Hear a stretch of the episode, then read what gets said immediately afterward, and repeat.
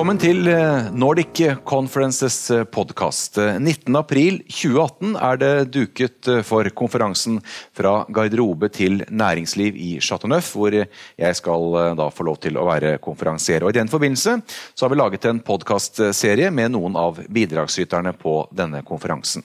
Og På konferansen så skal da foredragsholdere både fra idrettens verden, men også fra næringslivet belyse ulike sider av denne tematikken. Og spørsmålet er jo da hva kan man overføre i tilnærming til ledelse fra idrettens verden. Og nå altså da, her i Nordic Conferences podkaststudio med en av foredragsholderne på konferansen, nemlig Brede Hangeland. Velkommen. Takk. Ja, Vi vet jo at du er en eh, tidligere fotballspiller. Ganske nylig. Det er jo ikke lenge siden du eh, la fotballen på hylla? Det er et år siden? Ja, eh, i fjor sommer. Eh, men eh, det føles som en stund siden. Men jeg har jo masse erfaringer fra fotball på, på ganske høyt nivå. Profesjonell fotballspiller hvor du har vært landslagskaptein for Norge. Du har spilt 82 landskamper. Vært fotballproff i England, henholdsvis både da Fulham og Crystal Palace. Og nå er du da aktuell som foredragsholder. Holder mye foredrag rundt omkring, men da også selvfølgelig i Chateau Neuf i april skal du du får få lov til å være med. Du lever eh, av eh, nemlig kanskje det nest beste ved siden av å være fotballspiller, nemlig å være ekspertkommentator. Ja, det har i hvert fall vært en, en, naturlig overgang fra å legge skoene på hylla. Nå er det jo en mye mer inaktiv rolle, men jeg håper jo at jeg vet hva jeg snakker om når jeg kommenterer fotball. Mm. Eh, og eh, Når du da holder foredrag nå, så dreier det seg selvfølgelig mye om det du har opplevd i en garderobe, som du har vært mange år i sure og svette eh, garderober. Vi skal liksom starte med det store spørsmålet. Hva kan man ta med seg fra idrettens verden og inn i ledelse og næringsliv? Det som jeg synes er veldig spennende er at uh, Hvis vi tar utgangspunkt i garderoben eller laget som sitter i garderoben, så er det jo sånn at vi alle deler av et lag. Enten det er familien din eller hvis du ser veldig stort på det, landet ditt. Men uh, innimellom der en plass så er det uh, bedriften, arbeidsplassen din, som òg er et lag. Og, Det som jeg først og fremst tar med meg ut fra fotballen, er forståelsen av at et lag som på papiret kanskje er litt svakere enn et annet lag, kan allikevel slå dem. Så det går an å maksimere eh, lagets prestasjoner hvis du har det rette dynamikken, den rette påvirkningen i form av eh, trening og ledelse. og Dermed kan David slå Goliat. En kan alltid bli bedre. Det, det gjelder i fotballen, og det gjelder òg i næringslivet. Og så er det, det, er mye mystikk rundt dette. her da. Hva er det som skjer i denne garderoben? Og La oss da snakke litt om det, eh, fordi vi er så mange som ikke har vært der. Eh, og Annet enn i en satsgarderobe, kanskje. Men det er klart at det, dette da, eh, som låter litt sånn spennende og mytisk fra dere våkner opp på hotellrommet på morgenen, hva er det som skjer fram til man da skal levere i en kamp? Altså, det jo, handler jo veldig mye om forberedelser. Som, som, mye av det er jo individuelt. Altså, Du skal gjøre en mental forberedelse og en, og en, fysisk forberedelse. Du må ha nok søvn, du må ha nok vann, du må ha riktig mat. Alt dette her. Eh, men når du kommer til garderoben, så begynner jo liksom eh, den kollektive forberedelsen òg. Og da handler det jo om å avklare alle sine roller i laget. Du skal gjøre det, du skal gjøre det, du skal gjøre det. Dette er lederens ansvar. Det handler om å sørge for at alle er motivert eh, og klar til å gå ut i kampen, og at alle liksom spiller fra den samme oppskriften. Eh, og Der eh, har jo det vært i garderoben gjennom, gjennom et tiår pluss uh, har gitt meg utrolig mange erfaringer, både på godt og på vondt, uh, som, uh, som, jeg mener Dette er et slags miniatyrbilde av næringslivet, og jeg tror det er mange gode erfaringer å trekke ut av det. Og så spilles jo kampen, og så vinner man, og da er det greit. Og så spiller man kanskje ikke som forventa eller taper. Men hva er det som skjer i garderoben etter kampen? Hvis en har tapt, da, så er jo fotballen på dette nivået kan være ganske nådeløs. og eh, Det pekes fingre på den som har gjort feilen. Eh, I hvert fall hvis treneren har avklart rollene veldig tydelig. Da er det sånn at Når det er elleve mann på laget, så, så, er det ofte én eller to som, som, er ansvarlig for eh, et tap. Og tilsvarende, hvis han har vunnet, så er det noen som har prestert spesielt godt. sånn at det, Eh, I fotball og idrett på dette nivået så, så, blir det veldig tydelig hvor feilen ligger, eller hvor den gode prestasjonen ligger. Og Så kan en gjøre noe med det. Da Da kan en eh, dyrke de gode prestasjonene, og en kan òg eh, vise fram de dårlige prestasjonene, gjøre folk ansvarlige, og derigjennom lære å gjøre det bedre neste gang. Men Du, du sier at det pekes på de som da ikke har uh, vært gode nok. Men er det nødvendig, strengt tatt? Fordi de som ikke har levert, de vet jo som regel? Eller? Jo, de vet det, og, og det pekes ikke på dem for å henge ut noen. Uh, alt skjer jo, alt som en god trener gjør, skjer jo med, med et ønske og et formål at en skal bli bedre til neste gang. Uh, men for å gjøre det, så må de jo først og fremst påpeke hva som gikk galt. Sånn at ikke folk sitter i garderoben og tenker ok, vi tapte, men ingen er helt sikre på hvorfor det skjedde. Så kommunikasjonen fra lederen, evnen til å observere uh, hva som gikk galt i en kamp, den er avgjørende. Og så må folk få vite om det. For ellers så fortsetter en med samme medisin neste gang, og så blir det kanskje et nytt tap. Men eh, også er det noe som så hender at man klarer å snu en kamp i pausen, i garderoben. Hva er det som har skjedd da?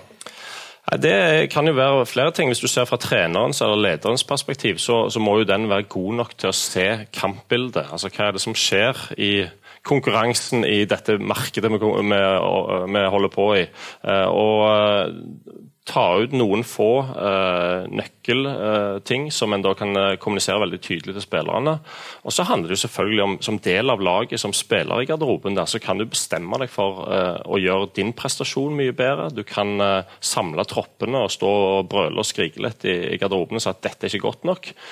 se hverandre i øynene og bli enige om at nå går vi ut i andre omgang og, og vinner denne kampen.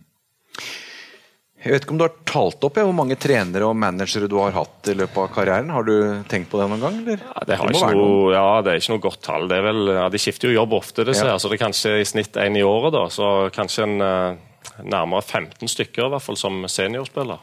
Hvem er det som har imponert deg mest? da? Den beste treneren jeg uh, har hatt, det er Roy Hodgson, som uh, mange sikkert kjenner som tidligere engelsk landslagssjef. Uh, han er ennå aktiv i en ganske voksen alder i, i Crystal Palace. og Han var først og fremst en utrolig sterk fagmann. Altså, disse trenerne må jo kunne faget sitt, men òg god til å sette sammen et system. Altså, han var mesteren på å gjøre dette laget av elleve ganske middelmådige spillere til å i sum bli mye sterkere. Sånn at når jeg var under han eh, for noen år siden, så, så var vi et lag eh, som kunne slå mye bedre lag, eh, på papiret i hvert fall. Fordi at eh, systemet var godt, filosofien var bra, og fordi han klarte å lage en dynamikk i garderoben der folk virkelig ville stå på for hverandre. Og Da klarte vi å kompensere eh, ganske begrensa ferdigheter og, og, fikk noen fine seire. Mm.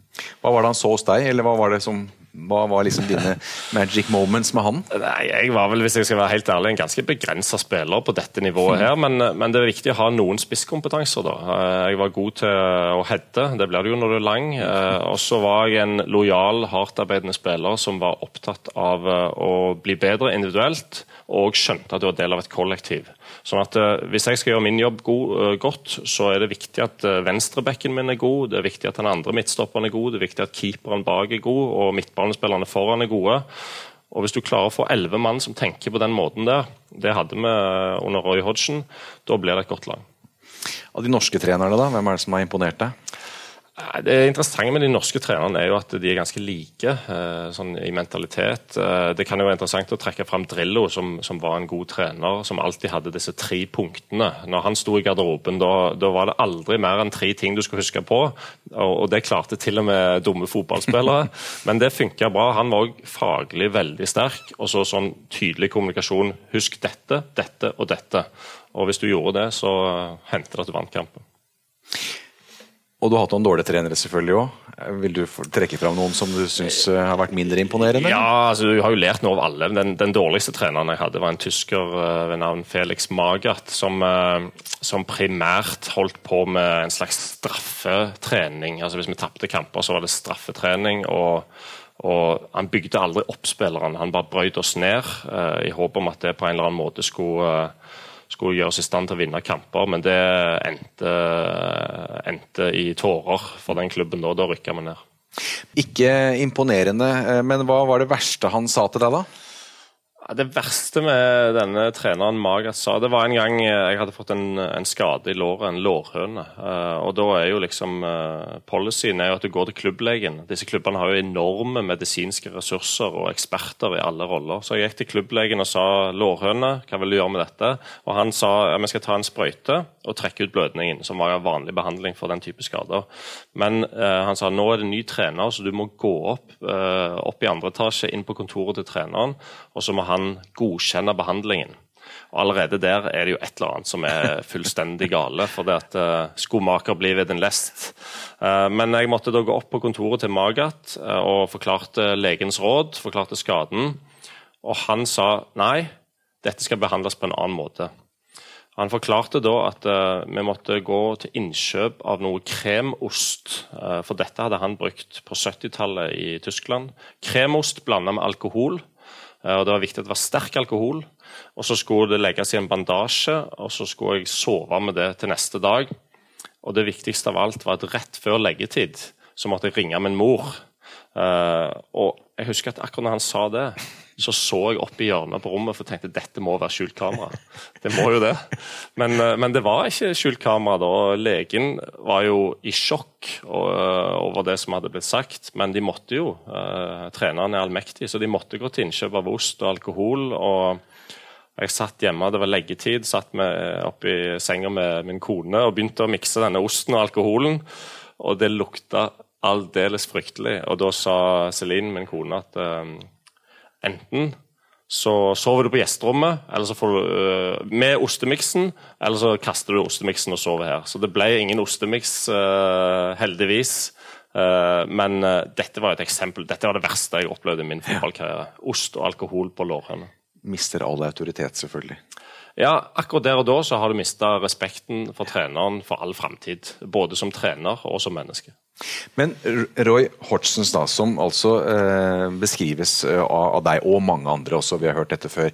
Men han er jo en ganske gammel mann. Eh, kan du bli god på dette og være en ung trener også, eller hva har det med erfaring å si? Altså, erfaring betyr noe, men det er noe i fotballen som jeg synes er et ganske godt uttrykk som heter er du, er du god nok, så er du gammel nok. og Det, det gjelder jo, vil jeg tro, i, i, alle deler av livet, og i næringslivet. at uh, Selvfølgelig hjelper det når, når, du blir eldre, får du mer erfaring, men hvis du har skjønt dette tidlig nok, så kan du være fotballtrener òg. Og, og, mange av de beste trenerne i verden nå er i 30-årene.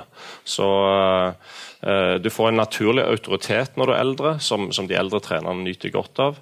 Men er du faglig sterk, og hvis du behandler folk ordentlig som trener, som leder, så får du òg den nødvendige respekten, selv om du er jevngammel med spillerne dine. Er vi flinke nok til å se det i næringslivet, tenker du?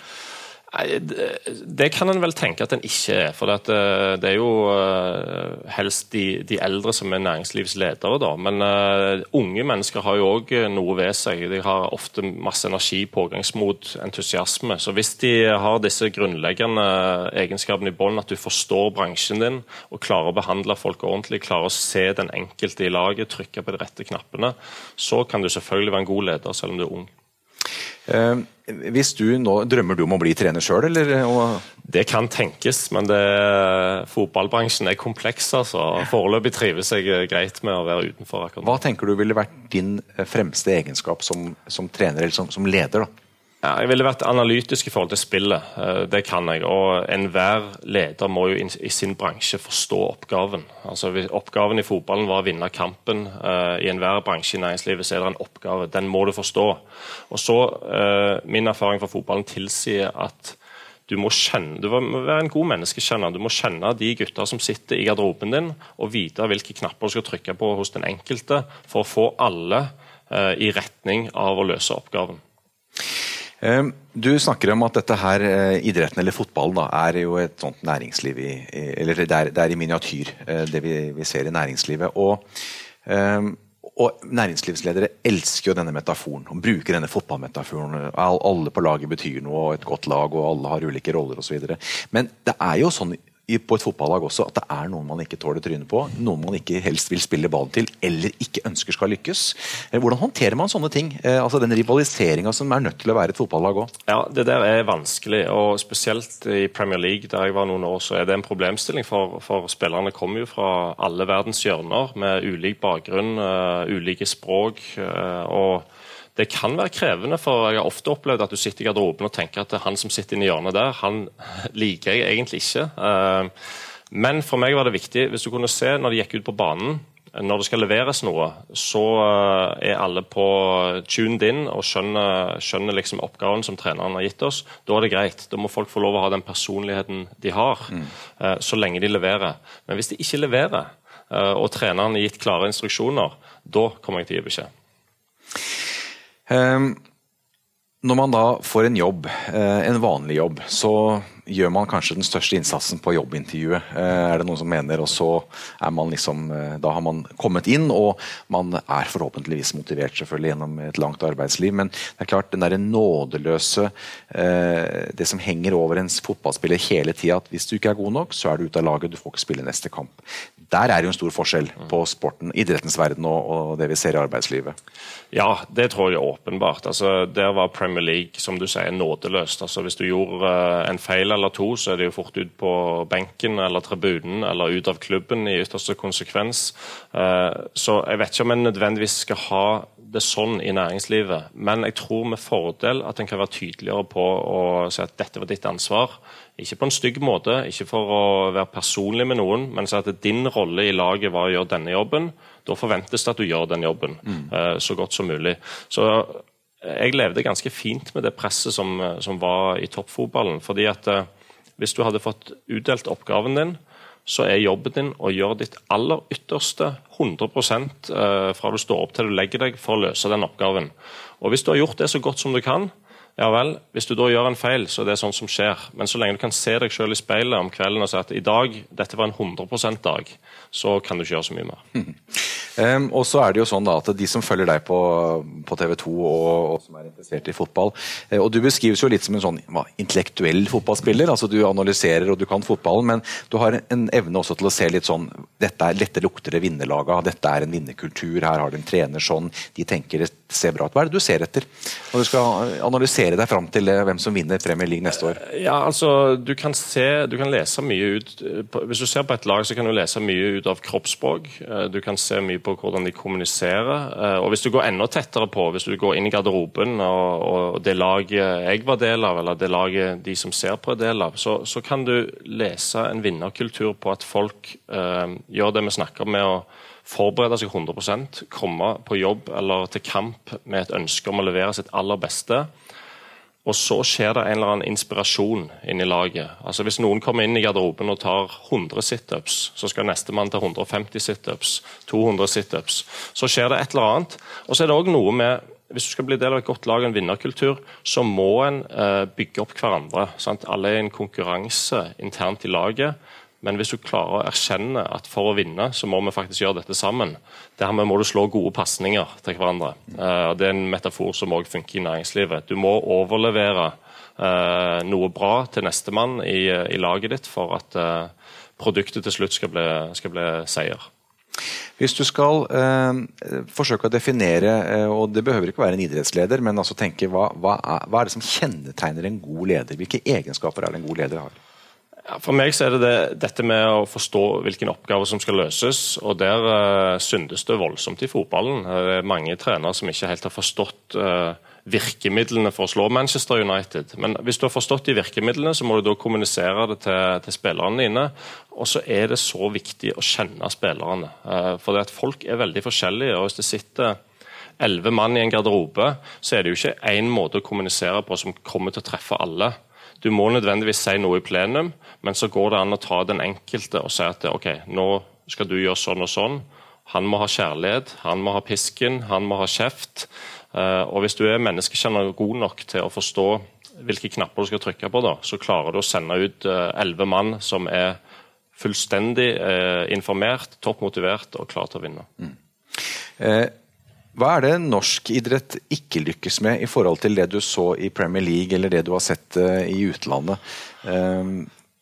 Ja, altså, norsk, hvis du, Individuell idrett i Norge er jo kjempebra. men Hvis vi tar fotball som et eksempel, da, så har vi jo et, eh, et landslag nå som er, som er, under det vi kunne håpe på. Ja, eh, potensial til ja, det. Ja. ja og, og, Hovedforskjellen fra, fra, det norske landslaget til Premier League er at uh, en er mer nådeløs uh, borte i England. Uh, det, ble, det, kan bli for snilt i Norge, og det tror jeg til dels gjelder i næringslivet òg. Altså, hvis en virkelig ønsker å bli best, så må du stille større krav til hverandre.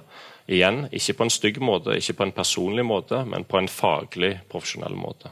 Fryktbasert ledelse er undervurdert? Er ja, men det, det, blir ikke fryktbasert hvis, uh, hvis, du ikke opplever det som altså Det skal ikke aldri oppleves personlig. Du må definere det du skal gjøre, og så må du måles mot det. Mm. Og, og Hvis du ikke leverer opp til det du blir bedt om å gjøre, så må du jo få beskjed om det. Hvis ingen gir deg beskjed om det, da vil du bare fortsette å gjøre en, en 80 %-jobb som kunne vært en 100 %-jobb. Og så er det noen ledere som mener at det er, altså i dag så stilles det altfor store krav. eller det, Vi skal rekke over for mye, vi som er ledere. Vi skal se alle, vi skal involvere alle, det skal være prosesser, alle skal føle seg inkludert osv. Og, så og uh, man skal i hvert fall ikke vise følelser eller bli sinna eller stille for uh, strenge krav. Da får du en varslingssak i, i fanget. Så det er klart at det, det, ligger vel noe der også, at det stilles uh, vanvittige krav i forhold til hva som forventes. Og det har jo ikke en fotballtrener i samme grad. Nei, det kan du si. Eh, men en fotballtrener har jo en veldig kompleks hverdag. Eh, og så tenker jeg det at ja, alle vil jo ha en formening i garderoben om hva treneren skal holde på med. Eller alle i bedriften har en formening om hva lederen bør gjøre.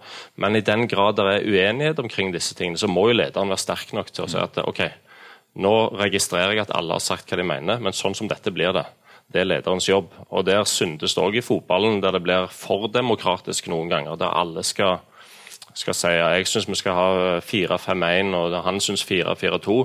De beste lederne da de slår uh, neven i bordet og så sier de sånn som dette blir det. Og Hvis det ikke funker, så mister de jobben. Syns du det blir komisk, eller funker det å bytte trener Ikke like ofte som man bytter truser? Uh, ja, det, det, det, grenser til komisk i fotball noen ganger, men det, det, kommer fra det enkle faktum at det er lettere å bytte ut én mann enn å bytte ut elleve mann. Uh, og uh, med, med, de pengene som er involvert, med det presset som er involvert, så er det dessverre, vil noen si, sånn som det har blitt. Men det er ikke synd på fotballtrenerne. De tar jo med seg en, eh, en stor pose penger når de blir sparka, og så går de videre til neste jobb. Mm. Hvilken uh, spiller er det som har imponert deg mest da, sånn i forhold til å, å være god på dette her og, og bygge vinnerkultur og liksom, bidra fra lagets side, eller som kaptein? Eller? Ja, Det er det mange som jeg har vært borti og lært mye av. Men vi hadde en keeper en gang i Fulham uh, som var australsk landslagskeeper i, i en årrekke. Han heter Mark Schwartzer, og han sa han sa til meg en gang eh, vi hadde det litt tungt og hadde tatt noen kamper, så sa han you have to fight for the good cause. Altså Du må kjempe for det gode i, i, laget. Og det gode i laget det er jo å møte opp på jobben med et smil om munnen, prøve å spre litt positivitet. Trene absolutt så hardt og godt som du kan. Og så gjennom det prøve å inspirere til at andre skal gjøre det samme. Altså som, eh, som, spiller på et lag så kan du jo egentlig ikke bestemme hva treneren skal holde på med. Du kan heller ikke bestemme om du skal vinne eller tape kampen, men du kan sørge for at det du gjør, ditt bidrag inn i laget, er så godt som mulig. Eh, og Hvis nok folk tenker sånn, ja, så blir det jo bra. Hva er det du ønsker at folk skal gå ut med etter å ha hørt deg og ditt foredrag eh, i Chateau Neuf i april?